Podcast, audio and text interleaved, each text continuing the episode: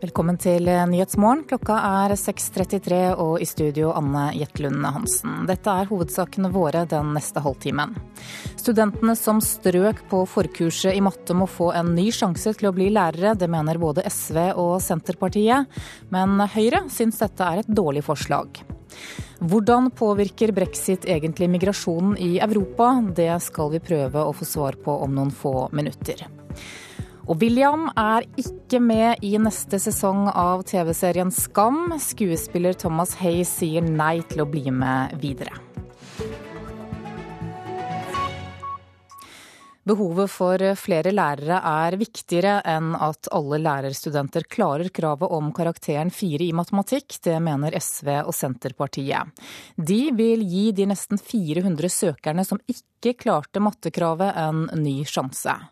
Synna Skomakerstuen fra Trysil var sikker på at hun skulle komme inn på lærerutdanningen.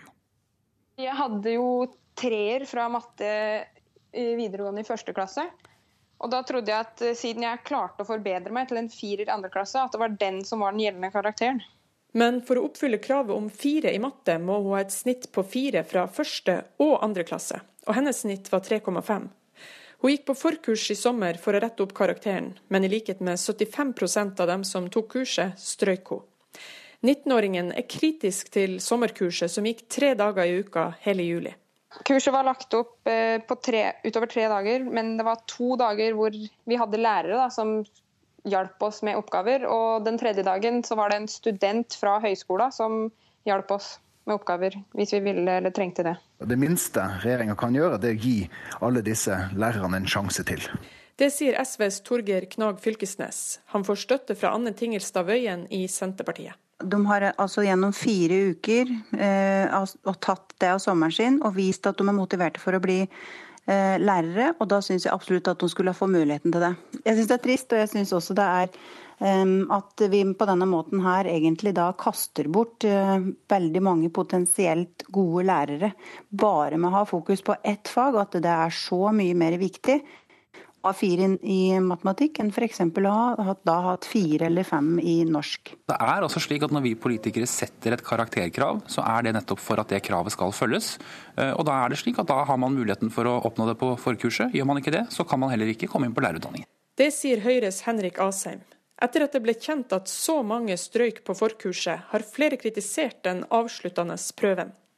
Også Skomakerstuen er kritisk til oppgavene hun måtte svare på. Jeg òg mener jo at det var for vanskelige oppgaver. da. Vi skal jo faktisk undervise første til sjuende trinn, vi som gikk der. De trenger jo ikke å vite arealet av en sirkel inni en trekant. 19-åringen har toppkarakterer i de andre fagene. Jeg har jo 5,1 i snitt. Så jeg har egentlig bare femmer og seksere og tre og fire i matte, da, så jeg var egentlig ganske sikker på at jeg kom til å komme inn. Knag Fylkesnes vil lempe på kravene. Jeg frykter at dette kan være med på å ødelegge eh, rekrutteringa til lærerutdanninga. Vi, vi, trenger jo virkelig alle de gode lærerne som vi kan få. Og når vi ser at den type formalkrav som det her, som har ganske sånn absurde utfall, rett og slett skubber dyktige folk ut av eh, lærerutdanningen, så er vi på gale veier. Altså. Men Asheim i Høyre vil ikke være med på å gi dem som strøyk en sjanse til. Ja, det mener jeg er et dårlig forslag. Når vi setter et karakterkrav, så er det nettopp for å ha det karakterkravet. Og da må du komme over det karakterkravet for å komme inn på studiet. Før dette hadde vi jo tre i matte som krav. Da var det sikkert også studenter som ikke nådde opp på det, og da kom de heller ikke inn på lærerutdanningen.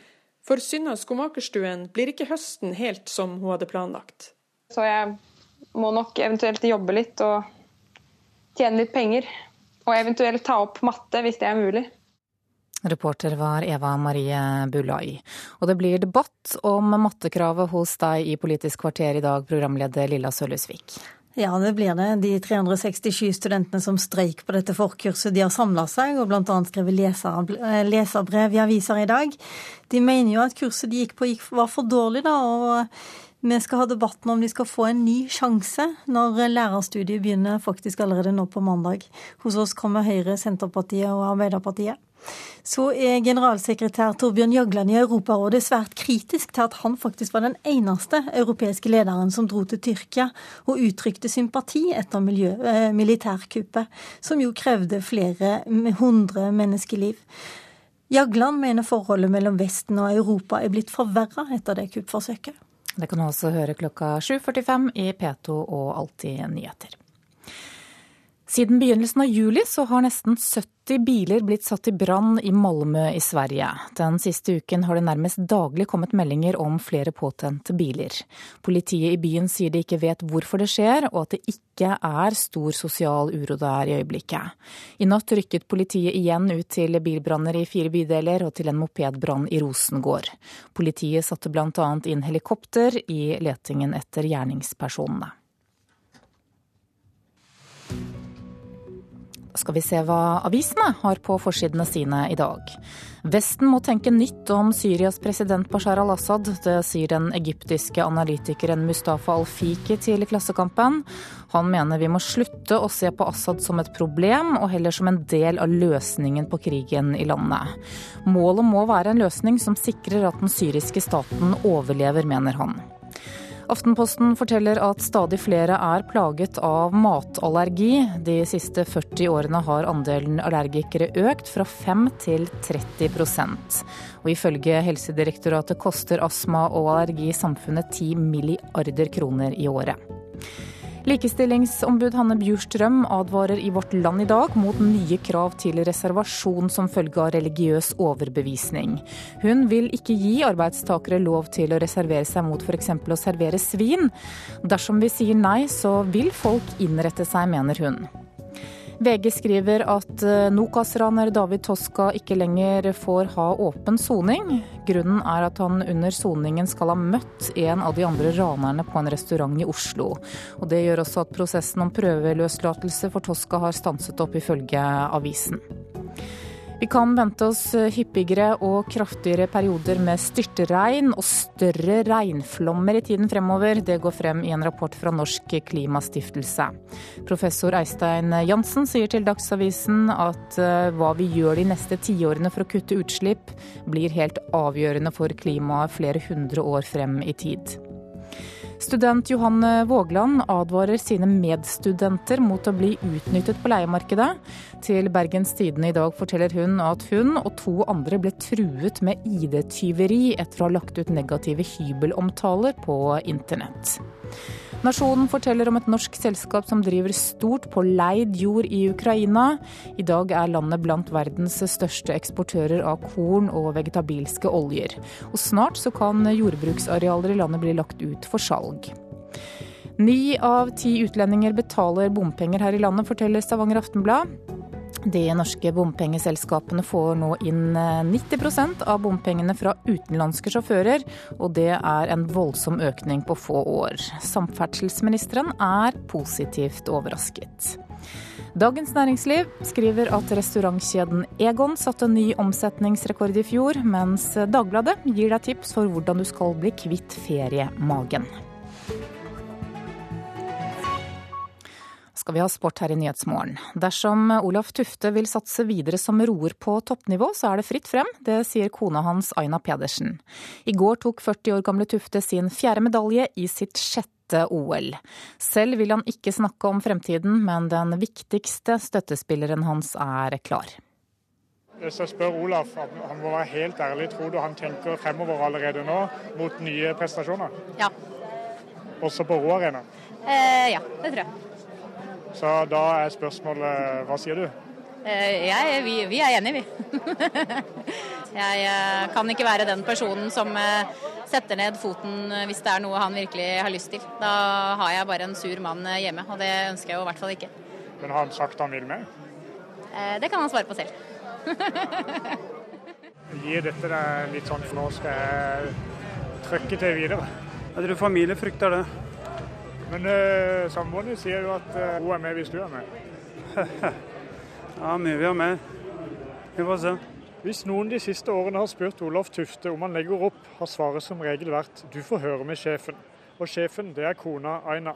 Etter å ha tatt bronse i dobbeltsculler i går sammen med Kjetil Borch, kom spørsmålet flere ganger.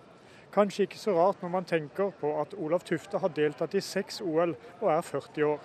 Også overfor et samlet pressekorps var svaret det samme. Jeg tenker eh, familien skal få lov å bestemme litt. Tufte og Borch heies fram i finalen i Rio. selv om de tok medalje, var skuffelsen stor. Målet har hele tida vært, uansett gjennom sesongen, å vinne det gullet. Skuffende. Flere ganger i intervjuet må Tufte ta en pause for å samle seg. Fire år med hardt arbeid endte opp med skuffelse. Det er tungt å svelge.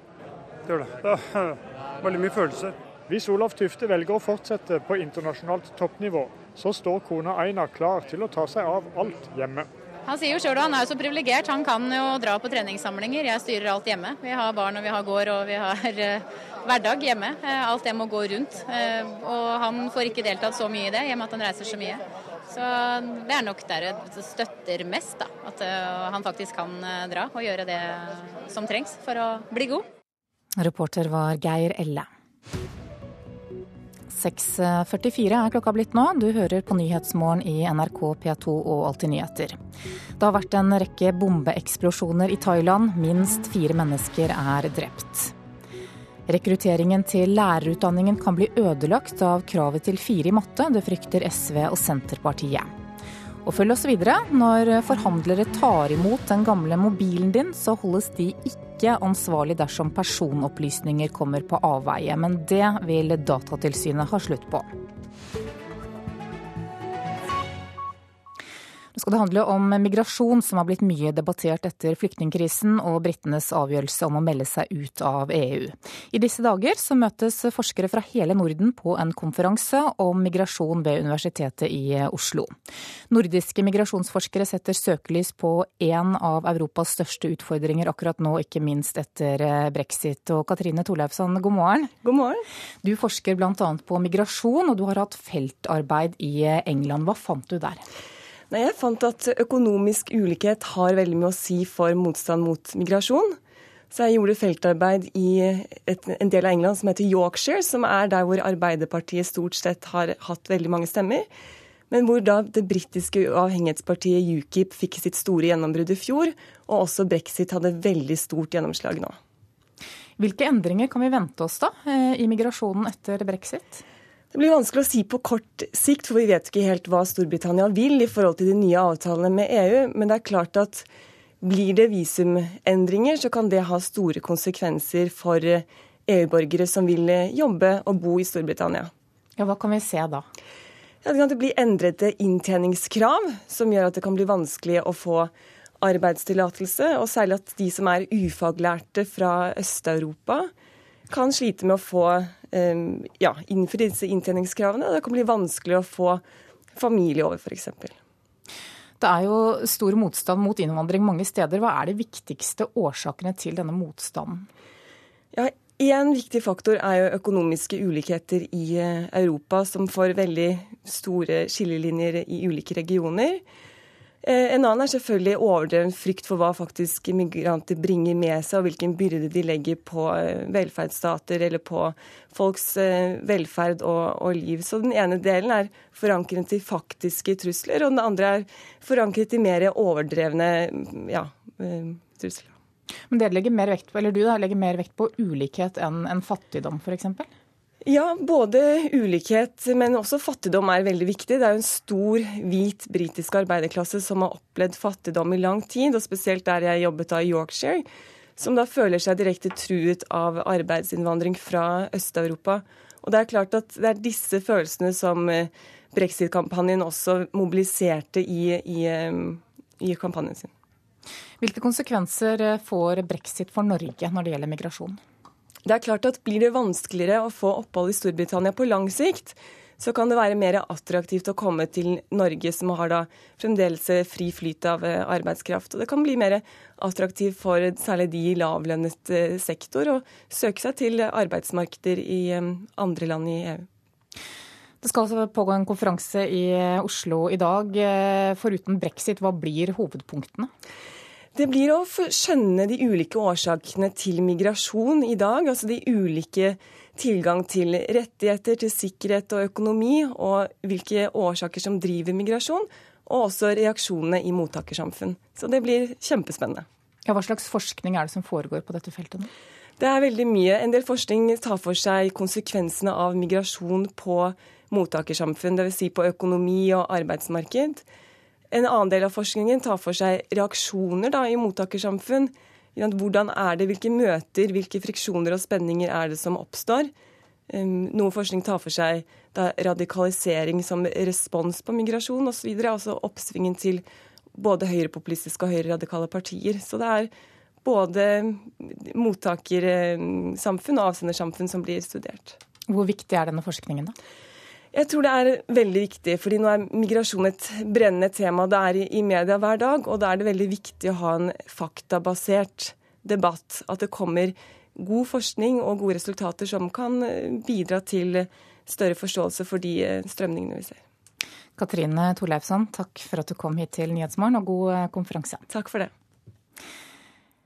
Nå skal det handle om noe helt annet. Når forhandlere tar imot din utrangerte mobiltelefon, så blir de ikke holdt ansvarlig dersom personopplysninger kommer på avveie når de kvitter seg med apparatet. Men det vil Datatilsynet ha slutt på.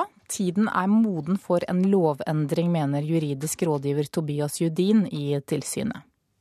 Vel, altså Privatpersoner kan da være mye tryggere på at hvis de leverer det inn til en kommune eller en forhandler, eh, hvis måte, vi foreslår det her og hvis forslaget vårt blir tatt i følge, så kan de være sikre på at da er det godt nok beskytta. Og da behøver ikke de å, å, bekymre seg for hva som skjer med mobiltelefonen sin eller datamaskinen sin eller kaffetrakteren etter at de har levert den inn. Ingen har i dag ansvaret for at opplysninger på din gamle mobiltelefon er sikra hele veien fra innlevering til destruksjon og gjenvinning. I framtida bør det deles mellom kommunen og elektronikkbutikken. Dagens ordning er ikke god nok, mener Datatilsynet. Det som vi syns er dumt, er at kommuner og forhandlere har en mottaksplikt. og Det i seg selv er selvfølgelig veldig fint, for da kan brukerne levere avfallet på ett sted. Men så skal jo det her håndteres på en viss måte. og Da kan kommunene og forhandlerne velge om de vil sende det til et godkjent returselskap og Hvis de gjør det, så har på en måte Returselskapet veldig gode rutiner for hvordan de skal håndtere det, her da, sånn at personopplysninger ikke kommer på avveier. Men de kan også velge det å levere et annet sted, så lenge det er en godkjent eh, mottaker av, eh, av, avfall. Og Det høres jo i og for seg veldig fint ut at vedkommende er godkjent, men det kan like gjerne være en skraphandler. ikke sant? Jan Adelsten Røsholm i forhandlerparaplyen Elektronikkbransjen sier dagens mobiltelefoner er smekkfulle av personopplysninger. Så Du har bank der, du har sosiale medier der, du har spill der, du har musikk der, du har bilder av familien din der. Så det er, det er mye informasjon inne her. Elektronikkbransjen hilser velkommen initiativet fra Datatilsynet. Før så var liksom personopplysninger personnummeret ditt og bankkontoen kanskje, ikke sant? Altså i hvert fall personopplysninger. Men nå er det mye mer kombinert med ja, posisjonering, sosiale medier og alle de dingsene vi, vi, vi, benytter oss av. Så vi er kjempepositive til at Datatilsynet eh, ser på dette. Dette er også mye basert i EU-regelverk. Det vi også har sagt i Datatilsynet, som er kjempebra, det er at vi også får være med og sette premissene. For vi kan mye om dette. Vi vet hvilke muligheter som ligger i produktene. Med klarere ansvarsforhold så vil Datatilsynet bl.a. styrke kampen mot ID-tyveri. Søppeldynger og den type steder de er egentlig ganske tyveriutsatte. sånn at det er på en måte folk som går der og plukker fra tid til annen. Og vi kjenner til tilfeller der det har forårsaket ID-tyveri. Reporter her, reporter her, det var Eirik Damsgaard. Nå skal vi til en nyhet som ble kjent for bare veldig kort tid siden. Reporter Christian Ingebretsen, sosiale medier og visse fansider på nettet er nå i sorg. Hvorfor? Fordi skuespilleren bak den mest omtalte og omdiskuterte karakteren i en TV-serie denne våren vil ikke spille den karakteren mer. Vi snakker om en eh, rolle i en TV-serie som virkelig tok helt av da andre sesong kom i vår, og som skapte elleville tilstander på tvers av alle aldre aldre her i landet. Vi snakker om rollefiguren William fra NRK-serien Skam, som ikke blir med videre i sesong tre. Hva gjør du her? Jeg prøver å finne ut av hvorfor du har sperret deg selv inn i tre dager. Jeg er sjuk. Hvorfor vil du ikke snakke med meg? Fordi det er bare Det er noen timer igjen av russetida di, liksom. Du må jo hva er det et mas om inn. Drit nå i det. Det er ikke så jævlig viktig. Thomas Hayes, eh, skuespilleren som spiller William, trekker seg fra Skam. Vi hørte William og Nora her. Han blir ikke med i tredje sesong, som kommer nå i høst. Vet vi noe om hvorfor? Ja, Hayes sier til VG at han føler at tida er inne for at han burde slutte, og at han ønsker nå å bryne seg på andre prosjekter som skuespiller, uten at han har noen andre tilbud på bordet foreløpig. Og hva sier NRK til dette her? Håkon Mosleth, som er redaksjonssjef for Skam i NRK, sier at de hadde håpet at eh, karakteren William skulle bli med videre i sesong tre, men at de fikk beskjeden om at skuespiller Thomas Hayes trakk seg før de begynte å skrive den neste sesongen. Eh, og han forsikrer om at serien fortsetter, eh, og ja, vi vet jo at den skal følge karakteren Isak som hovedperson denne gangen. Takk skal du ha så langt, reporter Christian Ingebretsen. Festival- og kulturarrangører tilrettelegger mer for bevegelseshemmede nå enn tidligere. Billettleverandørene henger imidlertid etter, slik at funksjonshemmede ofte ikke får bestilt tilrettelagte billetter. Men det har de ordnet opp i på Øyafestivalen i Oslo, og der stiller flere rullestolbrukere i tillegg opp som frivillige. En av sommers store høydepunkter i hovedstaden, Øyafestivalen. Festivaler er vanligvis ikke like lett tilgjengelig for bevegelseshemma som for andre. Det har ikke hindra Henriette Nilsen og flere andre rullestolbrukere fra å hjelpe til som frivillig. Så For meg er det veldig viktig å si det at du er ikke spesiell når du sitter i rullestol. Du er normal.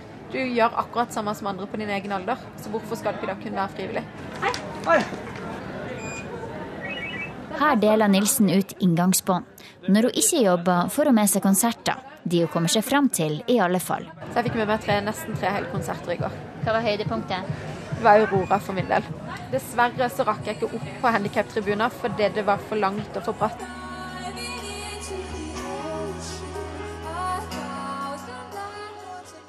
For de som sitter i stol, er festivalgjørma, bakker og øl et litt større problem enn for andre, forteller Henriette Nilsen. Utfordringa er jo at det er midlertidige konsertområder, så det at det er ikke så bra tilrettelagt som oftest. Det kan være mye sand, grus, gjørme.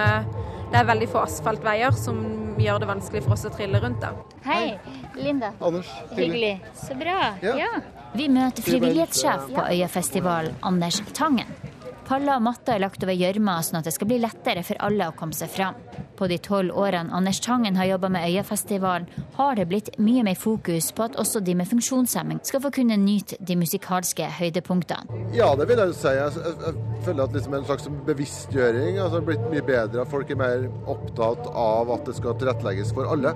Vi ønsker jo at det skal være et, et arrangement for, for alle, og da må vi, må vi tilpasse området vårt deretter. På landsbasis er det omtrent 50 000 rullestolbrukere og 330 000 bevegelseshemma, ifølge Norges Handikapforbund. Rådet for likestilling for funksjonshemma i Nordland fylkeskommune starta for noen år siden et prosjekt for at kulturarrangementer skulle kunne nytes av alle. Nå har norske konsertarrangører tatt over stafettpinnen. Prosjektleder i det som nå heter Tilgjengelighet Kultur-Norge, Berit Vordal, men det er framgang på mange av festivalene. Men det er en lang vei å gå fortsatt, og mange av billettleverandørene henger etter. Det er vanskelig å legge skylda på noen. Men, eh, men eh, trykket har kanskje ikke vært stort nok på eh, billettoperatører eller kulturaktører i forhold til å gjøre det her. I mellomtida er Henriette Nilsen stort sett fornøyd med tilrettelegginga på Øyafestivalen. Nilsen snakker ikke bare på vegne av seg sjøl, hun er også tillitsvalgt i Handikapforbundets Ungdom. Jeg syns det er noen veldig fine platåer som vi kan stå på på en god del av scenene. Det er Amfiet som er hovedscenen, har vært litt utfordring med at det er en veldig bratt bakke opp til platået vi skal stå på. Så hvis du ikke har med deg sterke ledsagere som kan trille deg opp bakken, så kommer du faktisk ikke opp. Reporter her var Linda Reinholdsen skal vi se på et uh, værvarsel som gjelder til midnatt. Østafjells kan vente seg sørvestlig bris, etter hvert regn i Agder, ellers stort sett oppholdsvær. Fra om ettermiddagen sørvestlig liten kuling på kysten, regn, om kvelden lettere vær først i vest. Fjellet i Sør-Norge skiftende bris, fra om ettermiddagen sørvestlig liten kuling utsatte steder, regn først i vest. Vestlandet sør for Stad sørlig liten kuling utsatte steder. Periodevis stiv kuling i nord. Om ettermiddagen dreiende sørvestlig, og det er også ventet regn. Møre og Romsdal kan vente seg sørøstlig frisk bris. I utsatte fjordstrøk periodevis sørlig stiv kuling lengst sør. Om kvelden sørvestlig liten kuling på kysten. Regn og regnbyger. Lite nedbør i nord først på dagen. I Trøndelag er det ventet skiftende bris i dag. Stort sett oppholdsvær. Fra om ettermiddagen østlig bris og regn. Nordland skiftende bris, spredte regnbyger. Om kvelden nordøstlig frisk bris. Oppholdsvær sør for Salten. Troms og Finnmark bris av skiftende retning. På kysten nordøstlig opp til liten kuling og perioder med regn. På Spitsbergen er det ventet rolige vindforhold og litt regn av og til. Så tar vi med temperaturene som ble målt klokka fem. Da hadde Svalbard lufthavn seks grader. Kirkenes 11 grader, Vardø 11. Alta ti, Tromsø ni, Bodø åtte, Brønnøysund sju. Trondheim fem, Molde seks, Bergen ti. Kristiansand-Kjevik ni, Gardermoen fem. Lillehammer fire. På Røros var det minus én grad, og Oslo-Blindern hadde sju plussgrader klokka fem i morges tar vi med at dersom du har tips eller kommentarer, send oss gjerne en e-post. Adressen er 03030 krøllalfa nrk.no. Og så minner jeg om at du kan høre Nyhetsmorgen når du vil på radio.nrk.no. Klokka nærmer seg sju og Dagsnytt. Etter det så får du en fyldig dekning av angrepene i Thailand her i Nyhetsmorgen.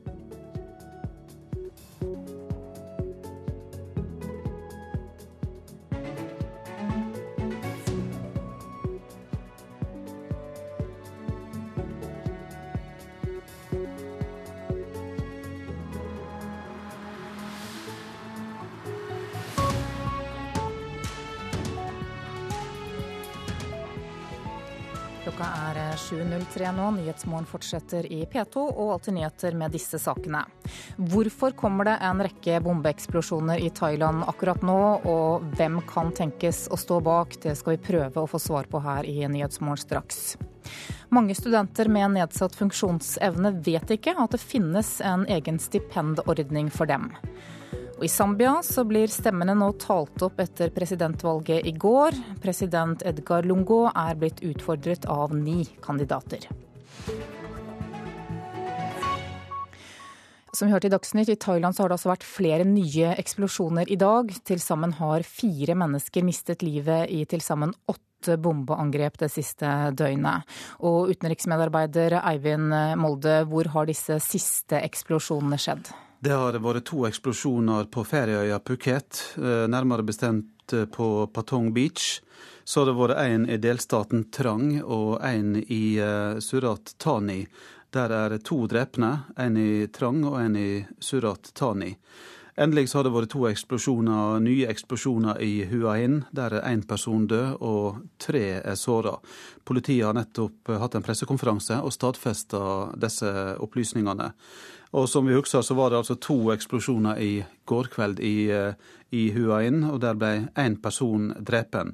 Så status eh, etter det siste døgnet er altså at eh, til sammen åtte bomber har gått av. Fire personer er drepne, og over 20 er såra. Ti av dem er utlendinger. Og det jo, dette har jo skjedd forskjellige steder. Hva sa politiet da om sammenhengen mellom det som har skjedd i dag og eksplosjonene i går kveld? Eh, de mener at det er en sammenheng, uten at de kan gå nærmere inn på detaljene i det. Men det har jo visse fellestrekk, fordi at en av eh, bombene i dag eh, i Surat Tani var gjemt i et blomsterbed. Og i går så, så var jo bombene gjemte i blomsterpotter. Og de gikk av med 30 minutts mellomrom. Men så langt så er det ingen som har tatt på seg skylden for disse angrepene? Det er det ikke. Eh, statsministeren i Thailand han sier at styresmaktene ikke vet eh, hvem som står bak. Men det han sier også er at eh, han mener disse bombene helt klart er et forsøk på å skape kaos og forvirring i landet. Vi går videre til Marte Nilsen, Thailand-ekspert og seniorforsker ved fredsforskningsinstituttet PRIO. Hvorfor skjer dette her i det området det gjør, nemlig sentralt i Sør-Thailand? Det, ja, det er vanskelig å spekulere i hvorfor det skal skje akkurat der. Det er eh, tydelig at det er, et, um, at det er i Sør-Thailand uh, angrepene er rettet mot, uh, og ikke resten av landet. Uh, hvorfor det skjer er vanskelig, og hvem som står bak er også vanskelig. Det er ikke tradisjon i Thailand for å eh, ta ansvar for sånne angrep. Og det er heller ikke stor eh, oppklaringsprosent på denne type angrep. Men, men at det er så koordinert, det er en litt uvanlig eh, vending. Men Hva kan du si om dette området, da, som bombene har eksplodert? Ja, det er ganske forskjellige områder, men eh, det er jo også mer knyttet til områder hvor eh, turister ferdes. Det har jo heller ikke vært eh, vanlig tidligere.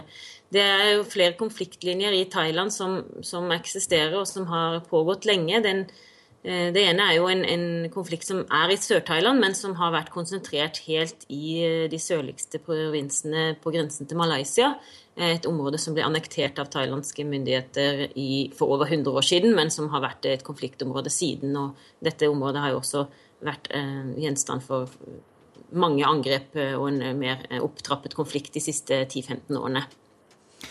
Ingen har altså tatt på seg ansvaret, og det blir vanskelig å spekulere i hvem som kan tenkes å stå bak. Men hvilke grupper har kapasitet til, til denne type angrep? Etter hva jeg forstår nå, så er det jo ikke veldig kompliserte operasjoner som har eh, funnet sted. Det er eh, relativt enkle bomber, eh, muligens eh, detonert med mobiltelefon. Men, eh, så, så det, det ikke, krever ikke stor eh, organisasjonskapasitet. Men det er klart at hvis disse er koordinert, som det nå kan se ut som det er, så, så, så krever jo det en viss organisasjon, selvfølgelig. Den andre konfliktlinjen som, som, preger Thailand og har gjort det de siste ti årene, er jo den mer politiske dragkampene eh, mellom eh, eh, fraksjonen til eh, eh tidligere statsminister eh, Taksin Shinawat og hans tilhengere, og det som nå er da en militærjunta som har hatt kontroll og absolutt makt i Thailand i over to år.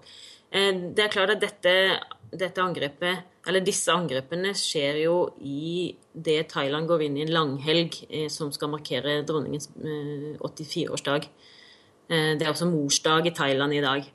Eh, så man kan selvfølgelig spekulere om, om det, det er, kan være en årsak, men, men, det ene er ikke mer sannsynlig enn det andre. Det, politiet må, må gjøre sine undersøkelser før man kan vite noe om hvem som står bak. Men i og med at det skjer i eh, turistområder, er det turister som At de har et ønske om å ramme turister, tror du? Um, om det er ønske om å ramme turister, så er det i hvert fall eh, kan man spekulere om at det er et ønske om å, å, å skremme turistene. Um, som sagt, det er ikke veldig store operasjoner, men det er jo veldig skremmende for de som, som uh, som utsettes for det. Og det er klart at eh, for de som blir direkte berørt også, så er det jo forferdelig å oppleve. Eh, men det er, ja, det er tydelig at, at eh, det skjer i mer turistrettede områder, men ikke utelukkende. Det er Drang-provinsen, som var rammet i går, er jo ikke spesielt turistområde. Men Hua Phuket og til det Suratani er jo også er jo klare turistattraksjoner. altså Det er jo steder hvor eh, mange turister reiser. Det har også vært eh, etter hva jeg forstår, har det vært en del branner som var påsatt i løpet av eh, natten. Men om disse, Som også var et Sør-Thailand, men, men, om disse er relatert til bombeangrepene, det har jeg ikke fått bekrefta fra noen hold. Martin Nilsen, takk for at du var med i Nyhetsmorgen. Nå skal vi høre at det finnes en egen stipendordning for studenter med dysleksi og andre former for nedsatt funksjonsevne. Stipendet utgjør ca. 3500 kroner i måneden, men svært få vet om ordningen. Og det er fordi Lånekassen og studiestedene ikke informerer godt nok om den. Det mener Ingvild Stensrud fra studentparlamentet ved Universitetet i Oslo. Det største problemet er at eh, studentene ikke blir informert om at de har retten på dette. F.eks. mange dyslektikere som ikke vet at de har rett på et stipend for nedsatt funksjon. I disse dager tar 280 000 studenter fatt på utdanningen ved landets høyskoler og universiteter. Mange er avhengig av en deltidsjobb for å få økonomien til å gå rundt, men Ingvild Stensrud er blant dem som har fått innvilget et ekstrastipend fordi hun har dysleksi. Da kommer det rød strek, og så kan jeg trykke på ordet. Så leser jeg det opp. Sjekker at det er riktig ord. så kan jeg legge det inn uten å måtte skrive det en gang til. Med et retteprogram som leser opp ordet, går det greit å skrive referat fra møtet i studentparlamentet der Ingvild nå er aktiv. Selv ble hun tipset om ekstrastipendet av en venninne, og mener flere burde få vite om ordningen. Det viktigste er at folk blir fortalt at denne ordningen finnes. Og jeg tror der problemet ligger. at Folk vet ikke at ordningen finnes, og de søker ikke informasjonen, for de kan ikke forestille seg at ordningen finnes. Siden ordningen ble innført, har antall studenter som har fått ekstrastipend fra Lånekassen, steget fra rundt 500 i 2011 til over 3300 i fjor. Samtidig anslår Dysleksi Norge at så mange som 14 000 studenter har lese- og skrivevansker. I tillegg kommer et ukjent antall studenter med andre former for funksjonsnedsettelser. Vi orienterer jo også om det her stipendet, men jeg skal innrømme at vi har nok noen ganger vært litt redd for å gi en falske forhåpninger. Det sier Eva Bollo, som er seniorrådgiver og jobber med studentstøtte og tilrettelegging ved Høgskolen i Oslo og Akershus. Av og til kan det av ulike årsaker være grunn til å ikke informere om ordningen, sier hun. Altså, vi har vel opplevd at terskelen for å få det stipendet kan være litt høy. Uh, altså, hvis det er en som er synshemma, så går det som regel ganske glatt igjennom. Uh, men jeg har jo vært i kontakt med studenter som ikke har fått det innvilga, uten at jeg vet helt grunnen til det. Søknadsskjema og informasjon om ordningen ligger på Lånekassens hjemmesider, og økningen i antall studenter som mottar stipendet, viser at ordningen etter hvert begynner å bli godt kjent, sier avdelingsdirektør i Statens lånekasse, Liv Simonsen. Hovedkanalen vår for informasjon på alle de ordningene som man har, det ligger på www.lånekassen.no. Det er der studentene må gå. Og det vet de fleste studentene. Det vi ser, er at Altså, dette er en ordning som kom i 2011, og vi ser jo at det er en økning år for år på antallet som tar dette i bruk. Og Det mener jeg også er jo en bekreftelse på at det er flere og flere som faktisk blir kjent med dette. Reportere var Kristine Næss Larsen og Milana Knesevic. Generalsekretær Synne Lerhol i Unge funksjonshemmede, god morgen. God morgen. Du, hvor viktig er denne støtten for studenter med nedsatt funksjonsevne? Det er klart at det er et veldig viktig tiltak for at unge med funksjonsnedsettelser skal eh, komme ut i eh, utdanning og få en jobb etter hvert. Eh, det er avgjørende at man, man får økonomisk støtte hvis man ikke har mulighet til å jobbe ved siden av studiene. Og, mange funksjonshemmede har ekstra store utgifter eller, eller har kapasitetsutfordringer og, og, har nok med å fullføre studiene på normert tid. Og da er det klart at en slik, slik støtte vil hjelpe mye i en ganske ganske knipen økonomisk situasjon som student er. Hvilke erfaringer har du gjort eh, selv? Jeg har vært, eh, vært student og har tatt en master ved NTNU. Og, og, det er klart jeg opplevde jo at, eh, at studentboligen min som var tilrettelagt, var dyrere enn andre studentboliger. Jeg hadde utgifter på bil fordi jeg bruker rullestol. Og det er jo noen ekstrautgifter som, som kommer med. Og det, det er som følge av funksjonshemmingen. Og når man da har knepen økonomi, så, så hjelper det med litt ekstra. Så hører vi i innslaget her at over 3000 fikk dette stipendet i fjor. Er du mm. enig i at informasjonen fra Lånekassen er for dårlig? Det vi vet, er at mange av våre medlemsorganisasjoner ikke, eller oppgir og ikke har, har hørt om ordningen. Eh, og, og, eh, det er klart at 3000 er en økning, men det er svært, svært få av, med tanke på andelen studenter som, som eh, er funksjonshemmet eller har en eller annen form for spesielle behov. Eh, så det er jo en stor vei å gå ennå. Eh, og jeg er klart enig med eh, Dysleksi Norge og, studentparlamentet at, at Lånekassen og spesielt studiestedene og tilretteleggingskontorene har et ansvar her med å informere. Men bør ikke studentene selv ta ansvar da, for å skaffe seg oversikt over hva de har eller kan ha krav på? Det er klart, studentene har alltid et eget ansvar. Men man er gjerne ikke kjent med ordningen. Man søker kanskje man er redd for å havne i uføre... Kanskje man tenker uføretrygd eh, før studiet. Og eh, det er noe med, noe med det at vi vet at, at funksjonshemmede har 4,5 ganger høyere sjanse for å være yrkesaktiv med høyere utdanning enn andre uten utdanning med funksjonshemming. Og eh, andre, befolkningen for øvrig har 2,3 ganger høyere sjanse for å komme ut i arbeidslivet. Så det er en dobling eh, av eh, dobbel effekt blant funksjonshemmede for å ta utdanning. Og det å hindre eh, Det at økonomisk barriere skal hindre en student eh, eh, som har en såpass stor effekt på samfunnsøkonomiske måleenheter, så er det veldig tragisk for samfunnet, og det er tragisk for den, for den enkelte, selvfølgelig. Og Én ting er det økonomiske, men hvilke andre ting er da viktig for å få gjennomført studiene? Det er klart at man må ha tilrettelagt studentbolig. Uh, assistanse hvis man har behov for det. Studiemateriell som er tilrettelagt, kanskje lydbok eller, eller eh, annet. at man har tilrettelagt bolig, selvfølgelig. Så det er, det er, ganske mange ting som påvirker studiesituasjonen, og ganske mange barrierer en student med funksjonsnedsettelse skal igjennom. Eh, og da er det svært viktig at det økonomiske ikke er en, eh, ikke er en hinder for lik rett til utdanning. Nå kan vi satse på at det er flere som har fått eh, med seg at, denne, at dette stipendet finnes. Takk skal du ha, generalsekretær Synne Lerhol i Unge funksjonshemmede. Takk. Klokka er 7.16 der. Du hører på Nyhetsmorgen, og dette er hovedsakene våre. I Thailand har det eksplodert en rekke bomber det siste døgnet. Thailandsk politi mener at bombeangrepene ikke er knyttet til islamistisk terror, melder nyhetsbyrået Ap. Som vi hørte, mange studenter med nedsatt funksjonsevne vet ikke at det finnes en egen stipendordning for dem. Og følg oss videre. En dødelig og smittsom dyresykdom er oppdaget i Norge. I Zambia gikk til presidentvalg i går, og opptellingen av stemmer er i gang. President Edgar Lungo er blitt utfordret av ni kandidater, og utfallet er ikke gitt. Utenriksmedarbeider Tom Christiansen, hvem kan true president Lungos posisjon? Ja, Det er en av disse ni som, eh, som ved forrige valg for 20 måneder siden nesten holdt på å vinne. Det er Hakainde Hichi Lema, vanskelig navn. Eh, forretningsmann, 54 år gammel. Eh, populær blant ungdommen. Og han har kritisert presidenten for det alle kan se, nemlig at den eh, økonomien i landet halter. Og nå sier Lunga at jeg trenger mer enn 20 måneder på å få landet på fote. Og der står diskusjonen. Men det kan bli en ny president i Zambia. Og hva har valgkampen da dreid seg om? Den har dreid seg om økonomi.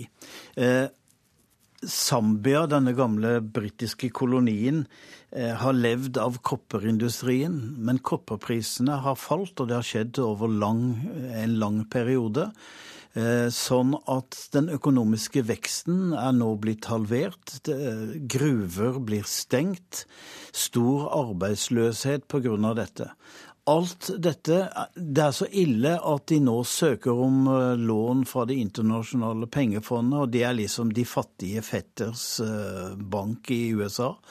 Eh, og Zambia hadde liksom tenkt vi er over det stadiet, og det var de også. Det er jo et rotfestet demokrati og har vært orden i sysakene. Men nå er de på en måte nede på knærne igjen. Zambisk politikk kan jo virke ganske kaotisk, og politikerne bytter parti hele tiden. Ja, og det er, ikke, det, er ikke, det, altså det er ikke bare velgerne som bytter parti, men politikerne bytter, bytter, parti. Og de har sånn, akkurat som i fotballen fra tid til annen, med sånne korridorer. Du må bytte lag innen da og da. Og det driver altså politikere med i Zambia. Zambisk og afrikansk politikk for den saks skyld er veldig lite ideologisk bestemt, sånn som hos oss. Det er veldig mye hvilket området du kommer fra i landet. Og man vurderer politikere og politiske partier og ser hvem er det som funker, og hvem er det som ikke funker. Og hvor har jeg en sjanse for å nå opp, og hvor har jeg en sjanse for å tape. Og så bytter man etter, etter det. Eh, det kan høres veldig kynisk ut for oss, men helt logisk på afrikansk. Hvordan har valgkampen vært? Har det vært rolig? Nei, det har ikke vært rolig denne gangen. Det har vært uroligheter flere steder. Opprørspolitiet har vært utkalt, og valgkommisjonen har nå bedt partiene om å holde sine grupper i ro når valget blir eh, kjent. For da kan det jo bli uroligheter. Og det var uroligheter også. De fleste steder så var det lange køer foran valget i går. De sto i timevis eh, i ro. Men enkelte steder så kom det til sammenstøt og, de, og slåsskamper mellom tilhengere fra uh, ulike partier. Og i valgkampen så har et spørsmål om neglelakk skapt rabalder. Hva handler det om? Jo, det handler om at ved forrige valg så viste det seg at når du har stemt, så får du et, et lite sånn eh, fargemerke, blekkmerke, på neglen for å vise at du har stemt. Men det viste seg at eh, kvinner med neglelakk skrapte av neglelakken, og så gikk de og stemte igjen. Og noen hadde falske negler. Sånn at eh, det har vært et tema skal det være lov å ha neglelakk på valgdagen, eller skal det ikke være lov? Nå, de funnet, nå, har, nå, fant de en løsning til slutt. Det var lov å bruke neglelakk. Så får vi se om det er noen kvinner som har stemt dobbelt. Resultatet av opptellingen vil være klart i morgen eller på søndag, og da vet vi om presidenten fortsatt heter Lungo eller noe annet. Vi skal videre til USA, for der blir uenigheten mellom presidentkandidat Donald Trump og ledelsen i det republikanske partiet stadig mer åpenbar. I en omfattende artikkel skriver Time Magazine at partiledelsen er i ferd med å fjerne økonomisk støtte fra Trump, fordi de vil forsøke å redde kandidater til Kongressen og Senatet. Og USA-korrespondent Tove Bjørgaas, hva er det som foregår? Det som skjer er jo at Donald Trump gang på gang går over streken ifølge det republikanske lederskapet, sier ting som partiet ikke kan stå for, og ikke på en måte klarer å, å holde seg i, i, i, ørene selv, sånn som partiet vil. Eh, og så går det altså da veldig dårlig på alle meningsmålinger som kommer nå. Eh, og dermed så har eh, ledelsen i det som kalles den republikanske nasjonalkomiteen, eller på en måte partiapparatet, nå eh, begynt å flytte midler de skulle bruke til å eh, hjelpe Trump til å hjelpe sine egne, spesielt senatskandidater, som kan komme til å tape dersom Trump taper valget. Og det, det, kan ende med at de på en måte kommer til å drive en valgkamp eh, der de tar det for gitt at Trump kommer til å tape, og sier til velgerne hør her, nå må vi i hvert fall redde eh, Senatet og Kongressen. Hvis ikke så får demokratene kontroll alle steder. Det er viktig å understreke at det er lenge til valget, men, men dette er en veldig dramatisk utvikling som vi, vi aldri på mange tiår har sett i et amerikansk presidentvalg. Hvordan reagerer Trump da på at partiet planlegger en slik eh, strategi? Nei, ikke sent I kveld her borte så, så sa han at han ville, eh, ville, ta ut egne penger fra valgkampen dersom de gjorde dette og truet, slik han ofte pleier å gjøre. Men nå kommer det meldinger bl.a. på politico.com, et annet nettsted, om at det skal være et krisemøte i Florida i dag mellom Trumps eh, kampanjestab og eh, andre sentrale krefter i partiet om, om, om, hvordan man kan, et slags oppvaskmøte om hvordan man kan forsøke å jobbe videre sammen. Og akkurat i Florida, en delstat Trump er helt nødt til å vinne dersom han skal bli eh, president, der eh, sliter nå Marco Rubio, den tidligere motstanderen til Trump i nominasjonskampen, med å bli gjenvalgt til eh, Senatet. Så, så den, denne, denne frykten for at Trump skal dra med seg sentrale republikanske eh, politikere dersom han kommer til å tape, er nå blitt svært åpenbar i partiet. Hvis vi ser på målingene, da, så leder Hillary Clinton på stadig flere i sentrale delstater. Men hun får også ny kritikk for sin mulige dobbeltrolle fra tiden da hun var utenriksminister. Hva går den kritikken ut på? Ja, Den går ut på at Bill Clinton eh, han driver jo en stor internasjonal bistandsstiftelse, Clinton Global Initiative. Og hele veien i denne e-postskandalen som Clinton har vært involvert i, mange husker sikkert at hun har brukt sin egen private e-postkonto mens hun var utenriksminister, så har eh, det, det hva Clinton gjorde i forhold til denne eh, stiftelsen da hun var utenriksminister, stått sentralt. Og nye lekkede e-poster viser nå at at det kan ha vært eh, problematiske ting. At f.eks. Eh, de som jobbet for stiftelsen til Bill Clinton, har tatt kontakt med Utenriksdepartementet eh, for å forsøke å få kontakter i andre land for å samle inn penger til stiftelsen. Den typen ting som er svært uheldig for Clinton, som er et av de store problemene hun, hun har. At, at, man har hatt mange hatter her, og at denne stiftelsen til Bill Clinton har tatt penger fra nærmest hvem som helst, mener man. Norske myndigheter har faktisk også gitt penger til denne stiftelsen, men det er også mange andre eh, lands myndigheter gjort, bl.a. i Midtøsten. Og dette er jo selvfølgelig problematisk. Takk skal du ha, USA-korrespondent Tove Bjørgaas. skal vi høre at en dødelig og smittsom dyresykdom er oppdaget her i landet. Sykdommen angriper hjortevilt som elg og rein, og sammenlignes med skrapesyke og kugalskap. For å unngå smitte så må Oslo kommune nå slutte å sette ut saltslikkesteiner til elg i marka. Saltsteiner kan være samlingssted for uh, hjortedyr, og da en smittekilde i og med at eh, alle er bortom og sleiker. Så er man redd for at det kan være en sånn smittekilde. Det sier Knut Johansson, som er seksjonssjef for Nordmarka i Bymiljøetaten i Oslo kommune. Hvert år setter kommunen ut et titall slike steiner. Ja, Saltsteinene det er jo litt sånn godis for dyra, og hjelper oss i å ha en oversikt over hvor stor bestanden er og sammensetning. Men nå må kommunen kutte dem ut. Årsaken er en dødelig dyresykdom som er oppdaget i Norge. Chronic wasting disease rammer elg, rein, hjort og rådyr, og angriper nervecellene. Lignende sykdommer er skrapesyke hos sau og kugalskap hos storfe. Chronic wasting disease har vært kjent i Nord-Amerika i mange tiår, og er aldri tidligere påvist i Europa. Men i år er det funnet to syke elg i Sør-Trøndelag og et reinsdyr i Sogn og Fjordane. Det gjør Knut Johansson bekymret. Hvis det angriper hos oss, så er jeg bekymra for bestanden. Man kan ikke ha en tett bestand, for da vil eh, smitten hele tida bæres rundt. Ifølge Mattilsynet smitter ikke sykdommen til andre dyr eller mennesker. Det er nå laget et overvåkningsprogram der det skal sendes inn prøver av vilt, forteller Knut Matslien, fagansvarlig for vilthelse på Veterinærinstituttet. Det er et stort mysterium hvordan eh, sykdom har dukket opp i Norge. og Foreløpig så vet vi ingenting om bakgrunnen for at sykdommen eh, har nå dukket opp i Norge.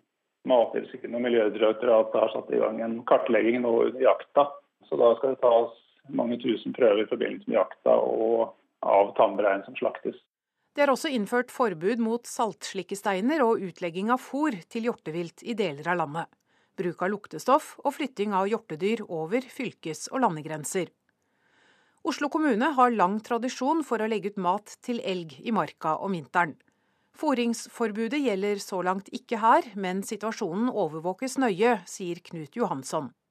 Vinterfòring er veldig nødvendig for oss. Eh, for vi ser jo det, at eh, etter at vi begynte å fòre i Maridalen og Sørkedalen, så har elgpåkjørsler vært eh, langt lavere. Dyra stopper der, i stedet for å fortsette ferden utover i, på Ring 3 og nedover i bebyggelsen. Det vil få store konsekvenser hvis vi ikke kan fòre. Da blir det mye tragedier i trafikken. Vi vil fortsette å fòre, men overvåker veldig nøye. foringssted. Det er et eh, sted hvor vi kan observere dyrene. Så der kan vi holde godt øye med hvordan dette utvikler seg. Så ser vi da at det er smitte der, så må vi jo samrå oss med Mattilsynet og treffe de nødvendige tiltakene. Ja, Det sa seksjonssjef i Oslo kommune, Knut Johansson, og reporter var Nina Didriksen. Du lytter til Nyhetsmorgen nå. Klokka nærmer seg 7.30 og Dagsnytt. I reportasjen etter det skal du få bli med til et anlegg for champagneproduksjon i det urolige Donbas-området øst i eh, Ukraina. Produsent for Nyhetsmorgen i dag heter Ingvild Ryssdal, og her i studio Anne Jetlund Hansen.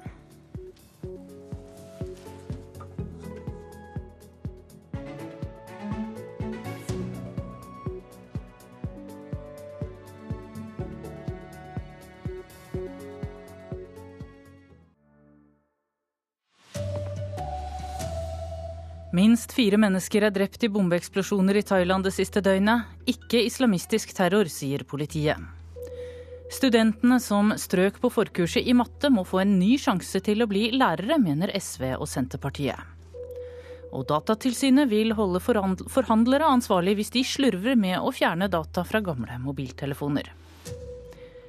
Her er NRK Dagsnytt klokka 7.30. Bombeangrepene i Thailand det siste døgnet kan ikke knyttes til islamistisk terror. Det sier thailandsk politi nå. Det har vært flere nye eksplosjoner i dag, og til sammen er fire mennesker drept og 20 skadd.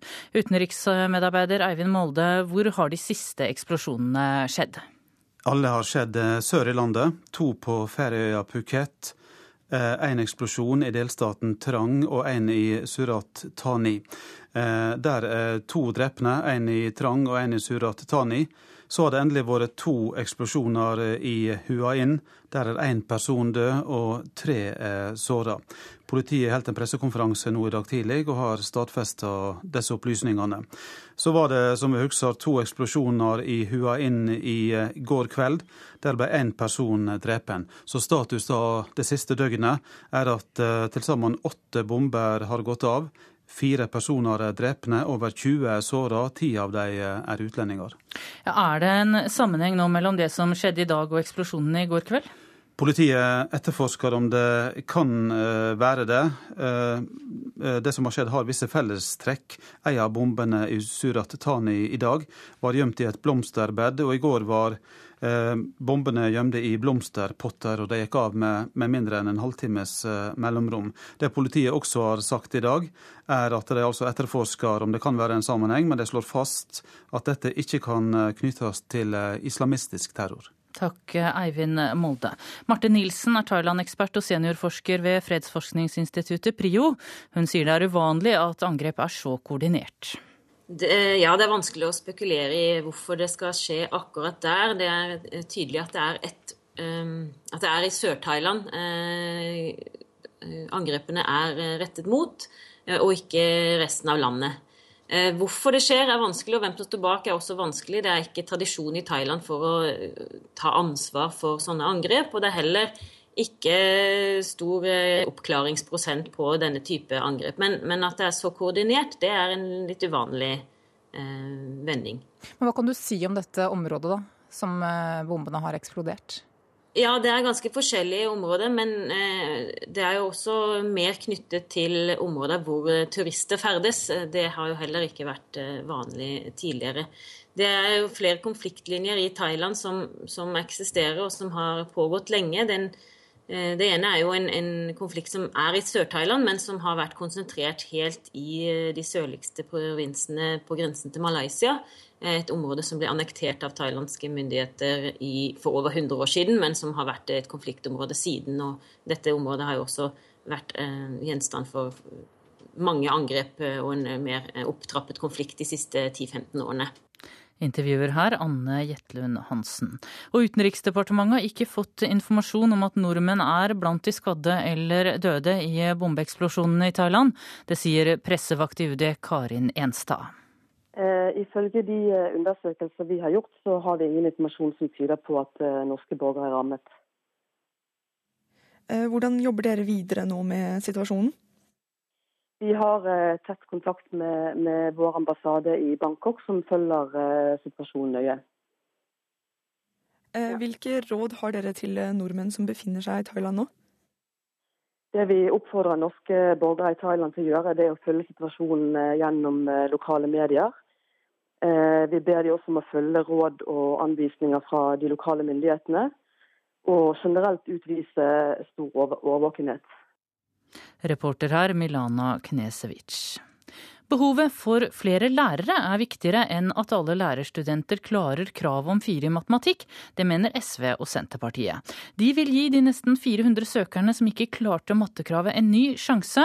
Synna Skomakerstuen fra Trysil var sikker på at hun skulle komme inn på lærerutdanningen. Jeg har jo 5,1 i snitt, så jeg har egentlig bare femmer og seksere og tre og fire i matte, da, så jeg var egentlig ganske sikker på at jeg kom til å komme inn.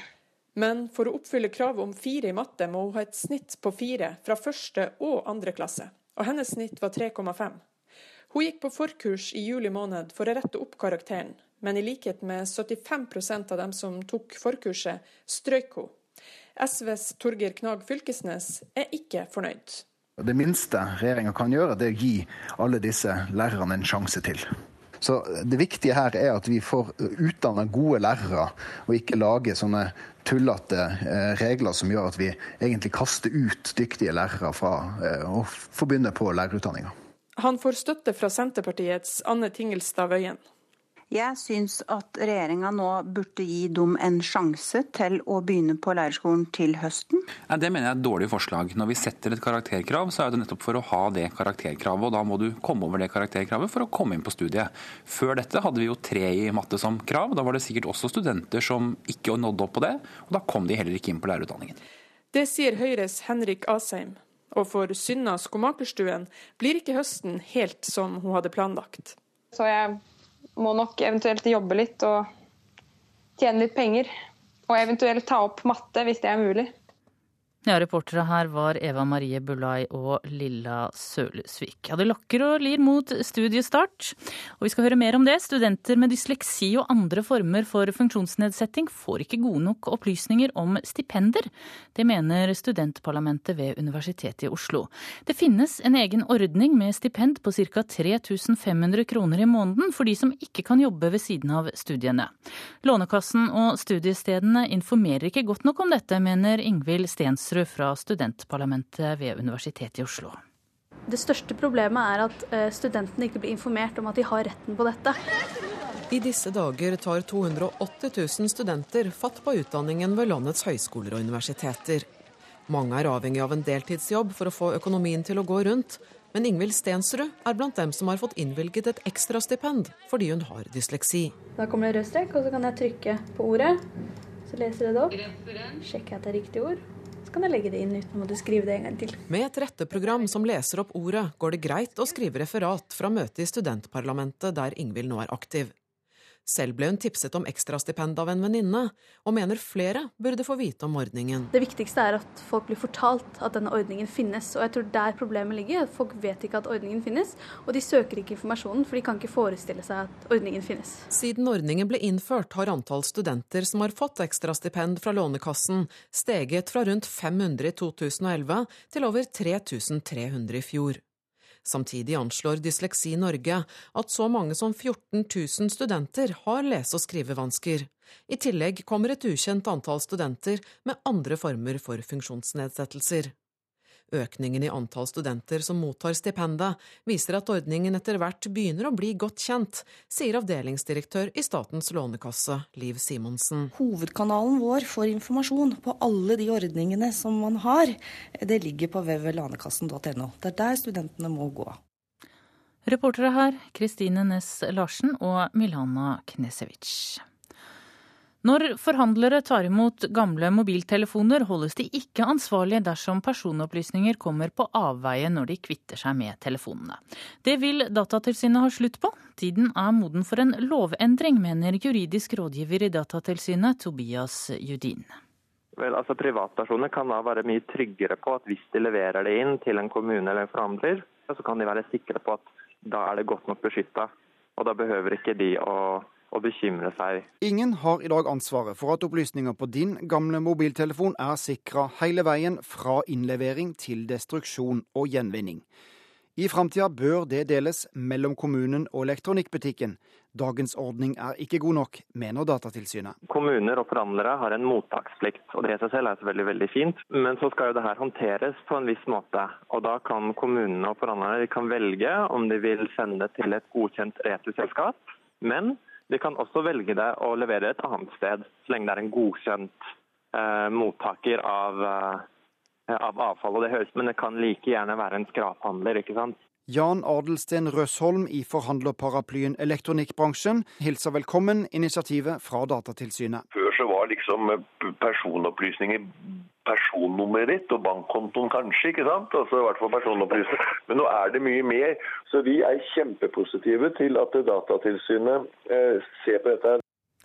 Reporter Eirik Damsgaard. Ansvarlig for Dagsnytt i dag, Silje Katrine Bjarkøy. I studio, Tone Nordahl thank Klokka er 7.40 eh, nå. Vi skal til Donbas-området øst i Ukraina, som de fleste nok nå forbinder med krig og uro. Men her ligger også det største anlegget for produksjon av champagne i Øst-Europa. Og til tross for problemer så klarer de å holde produksjonen gående, til tross for at krigen pågår bare noen kilometer unna. Korrespondent Morten Jentoft har nettopp besøkt Donbas og laget denne reportasjen. А потом там сутки простоит емкость разлюченная, попадет вот это han hører utvilsomt til de mer ivrige av turistguider jeg har møtt. Andrian Bereznoj, der han tar meg med innover i de store fjellhallene i Artjomivsk vineri. Den store champagnefabrikken øst i Ukraina. i byen som bare for noen måneder siden fikk tilbake sitt gamle navn, Bahmut.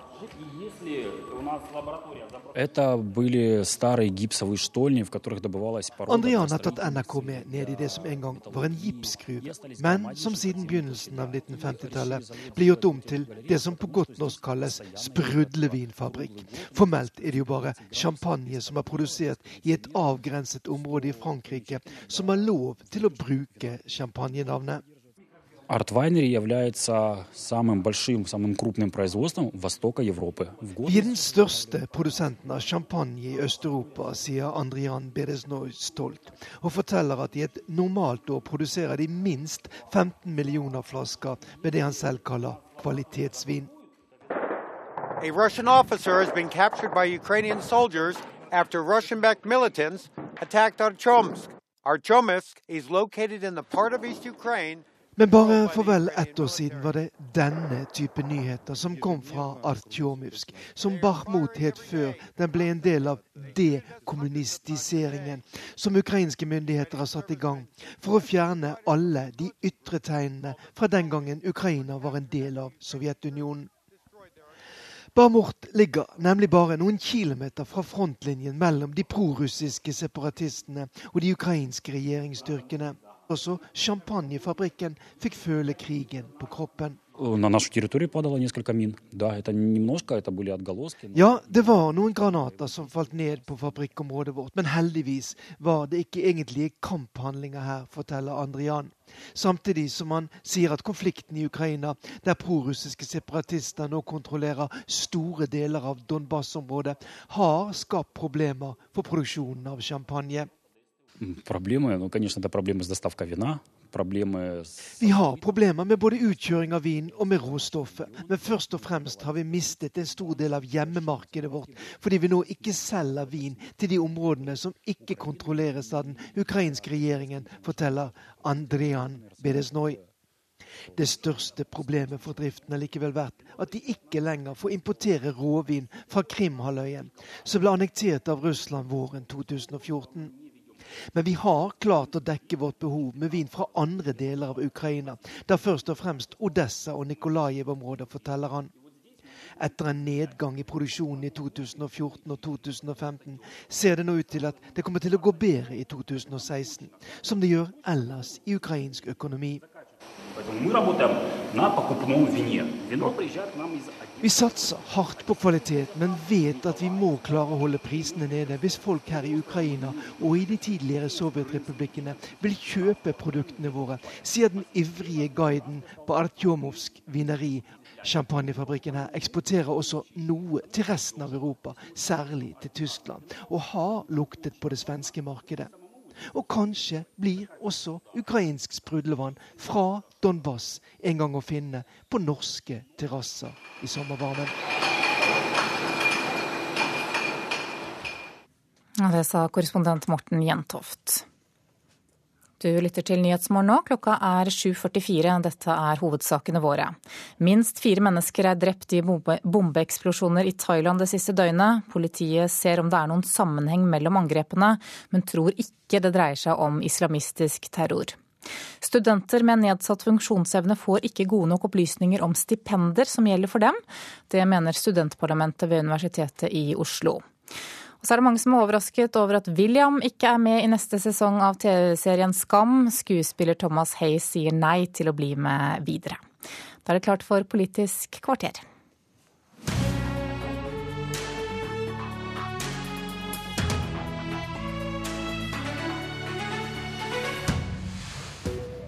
Landet trenger flere lærere, men er det riktig at elever som ikke klarer mattekravet, får en ny sjanse? Og europeiske ledere de sliter med å påvirke det som nå skjer i Tyrkia.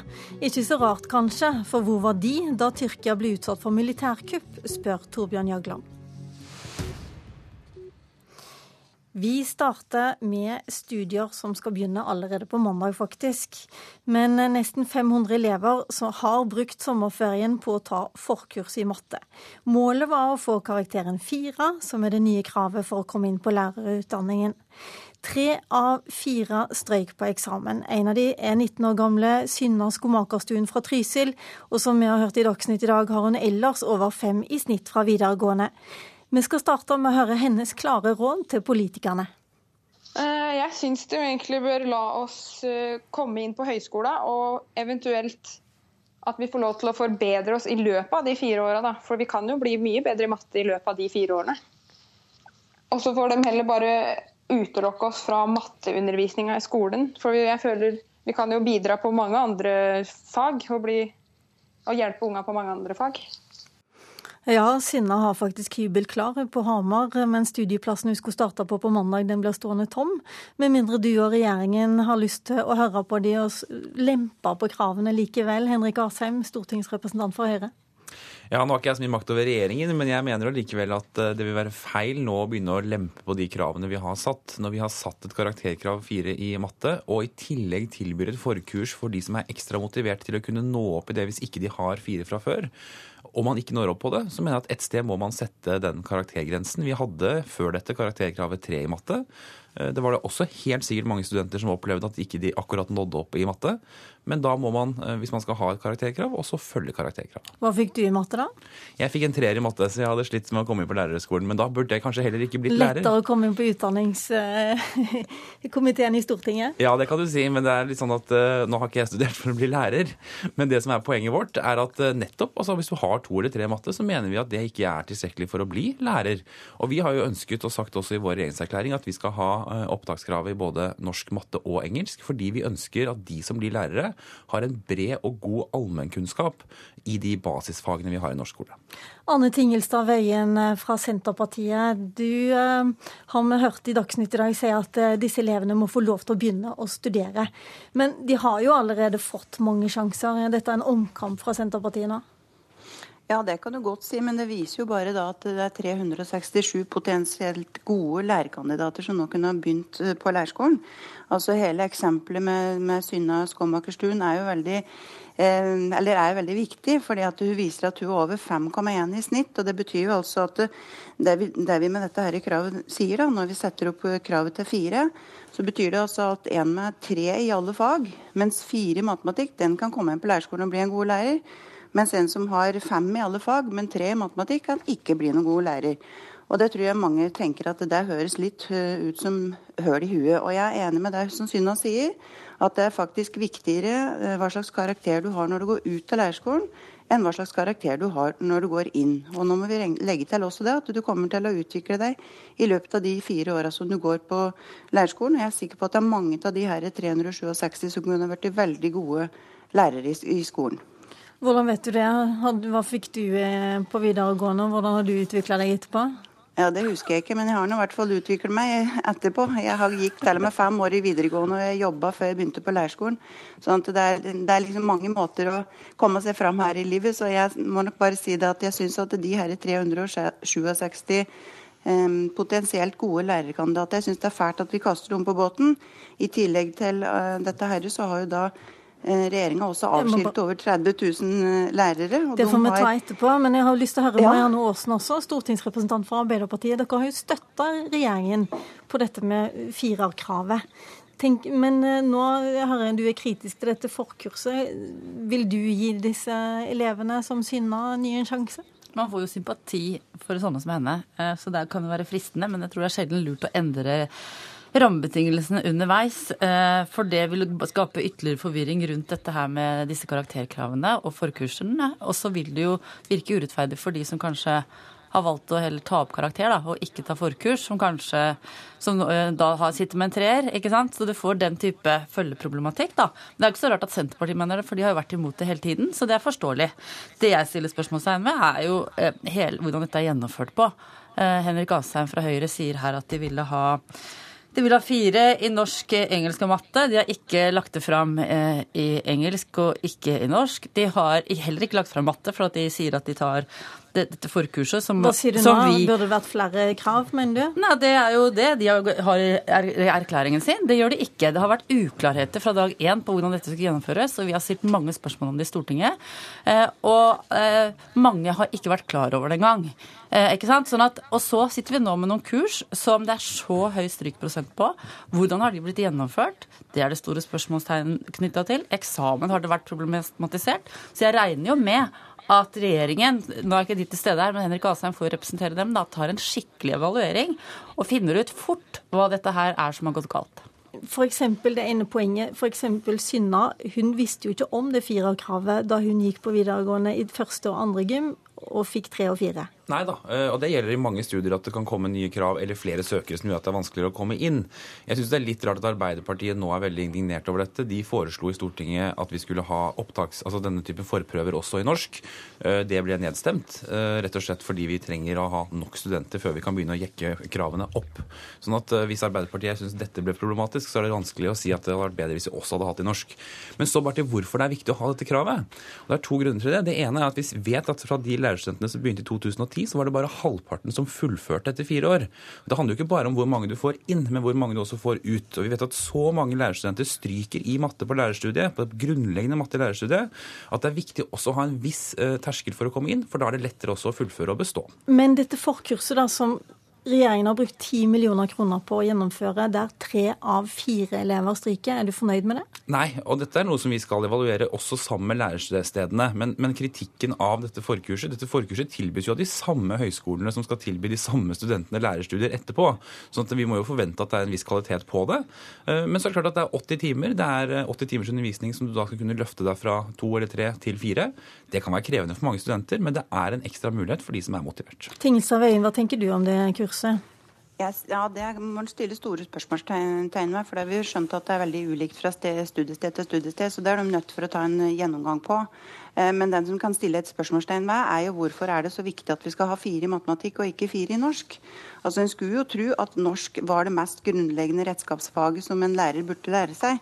Så det ville jo kanskje ha vært naturlig hvis en skulle ha heva kravet til fire, at du begynte med faget norsk. Um, sånn at jeg, jeg, vil si det at jeg syns dette her har vært en dette er, et, dette er, på en måte et forsøk og et eksperiment, føler jeg, da, med, med, studentenes, uh, med, studentenes, liv. Og folk som da har forberedt seg på å kunne komme inn på lærerskolen. Og jeg syns absolutt at vi nå kunne ha sett de her, de her 600, 367 um, studenter en mulighet. Og så fikk vi heller følge dem da, og se om de gjorde det så elendig på lærerskolen, eller om det faktisk kommer ganske gode lærere, lærere ut av de de nå etter fire års eh, studie. Åssen den sjansen vil ikke du gi dem? Nei, altså Jeg mener igjen at det kan slå ha uheldige konsekvenser. Eh, det som og, men uansett så må jo regjeringa ta ansvaret for det. For det, de gikk til valg på handlekraft og gjennomføringsevne. Her har vi sett veldig lite av handlekraft, og vi har sett veldig lite av gjennomføringsevne. Og vi Arbeiderpartiet ble nedstemt når det gjaldt norsk.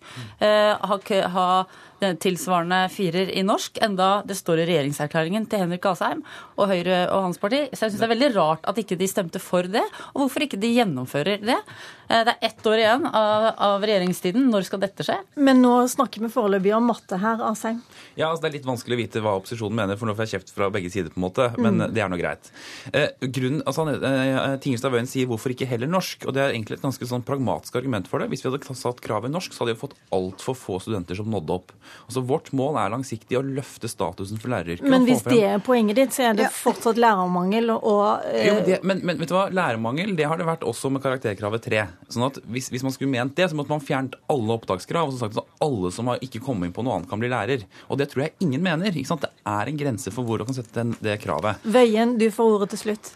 Ja, men altså når du sier at, eh, hvorfor ikke norsk, for da hadde vi fått altfor få. Ja, nettopp. Men der, da, da, sier vi jo med det samme da, at det er greit nok at en lærer er litt, uh, litt klein i, i, norsk, men i matematikk der burde du være skikkelig god. Nå må jeg rett og slett stoppe dere alle sammen. Senterpartiet og SV prøvde seg, men det ser altså ikke ut til at disse lærerstudentene som strøyk i matte i sommer, får noen ny sjanse. Takk skal dere ha.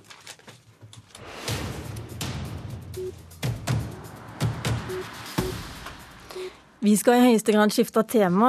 Europeiske ledere nølte med å støtte Erdogan etter kuppforsøket i Tyrkia. Da blir det vanskelig for dem å komme etterpå og påvirke det som nå skjer, mener Torbjørn Jagland, som er generalsekretær i Europarådet. Sjøl var han den eneste som dro av europeiske ledere til Tyrkia etter kuppforsøket.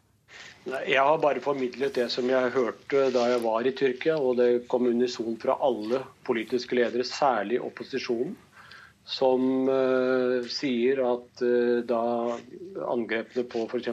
Charlie Hebdos uh, hovedkvarter skjedde, så kom jo alle Europas ledere sammen, dannet ring i Paris for å vise solidaritet med Frankrike. Og etter at de andre terroraksjonene har skjedd rundt omkring i Europa, så har man alltid sagt at dette er et angrep på oss alle. Men når to, nesten 250 mennesker ble drept i Tyrkia, I et forsøk på militærkupp så var det ingen som kom, og ingen som sa at det var et angrep på oss alle. Hva er det et uttrykk for da, mener du? Nei, Opposisjonen sier at uh, de er redde for at dette kan ha satt uh, Europa på sidelinjen i det som nå kan komme til å skje. Og de har jo veldig god grunn til det. For det er klart at nå kan jo veldig mange uskyldige mennesker bli dratt inn i anklagene for å ha vært med på dette kuppet. Og Det er jo egentlig bare europeiske ledere som kan klare å demme opp uh, mot uh, dette. og det, er jo, det kan jo bli et, en skjebnetid for Europa hvis uh, dette her kan komme til å skje, og at Tyrkia går helt sin egen vei. Så det er grunn til å være veldig bekymret over dette her. Men 18 eh, 000 mennesker er arrestert i etterkant av dette kuppet. Det er jo mange som mener at Erdogan bruker dette til å stramme inn enda mer i forhold til vesentlige menneskerettigheter. Og vesentlige menneskerettigheter, det er det du jobber med. Burde du ikke vært mer bekymra for dem, du også, i likhet med de andre europeiske lederne? Det har jeg jo gitt veldig klart uttrykk for, har kommet fram i alle europeiske medier. Eh, at det er akkurat det jeg er bekymret for. Men man eh, har ingen troverdighet hvis man ikke eh, først fordømmer dette forsøket på statskupp. Du er jo på ferie i Norge nå, Jagland, og i en kronikk i Klassekampen så har du bl.a. kritisert NRK og norske medier også. Hva er det du mener den norske offentligheten ikke helt har fått med seg? Jeg har forsøkt å formidle det som jeg hørte og så, og som er kommet frem veldig mye Særlig disse Det eksisterer jo fortsatt uavhengige medier eh, i Tyrkia, f.eks. Shumahuriet. Det som er problemet nå, er jo det at eh, hvis man forsøker å formidle noe eh, av dette, så blir man med en gang sagt at man er for Erdogan. Det er jo ikke det det går på. Det går jo på å forsøke å få fram hva som faktisk har skjedd der. Og det er jo usedvanlig hva som er skjedd, nemlig at man har gått løs på folk i gatene med kanoner og bombefly mot parlamentet. Jeg kan ikke huske at noe som har skjedd i senere tid i Europa, og kanskje ikke i verden. Men det må vel gå an å si begge deler, både at det er horribelt med et statskupp, og at Erdogan ikke skal bruke dette til å stramme inn enda mer på grunnleggende menneskerettigheter? Jo, det er det vi eh, sier, og det er det vi nå bruker våre instrumenter til. Men du føler at dere er for alene i det? Jeg eh, bare formidler det opposisjonen sier, at eh, det som skjedde etterpå, kan frata uh, europeerne en viktig innflytelse på det som kan skje. Jeg er redd for det samme. Hva mener du europeiske ledere, inkludert norske, skal gjøre nå? Nei, nå er det veldig viktig at man har en klar dialog med Tyrkia, med hele Tyrkia, Eh, regjeringen selvfølgelig, men også med opposisjonen. Alle menneskerettighetsgruppene som fortsatt er aktive der. Eh, slik at man kan komme i inngrep med det som eh, nå skal skje fremover. Ja, det sa Torbjørn Jagland, generalsekretær i Europarådet, som jeg snakka med i går. I neste uke kjører vi Politisk kvarter fra Arendalsuka. Følg med oss da også. Ansvarlig for denne sendingen var Lilla Sølhusvik. Husk at du kan høre på oss når som helst på nrk.no, eller laste oss ned på podkast.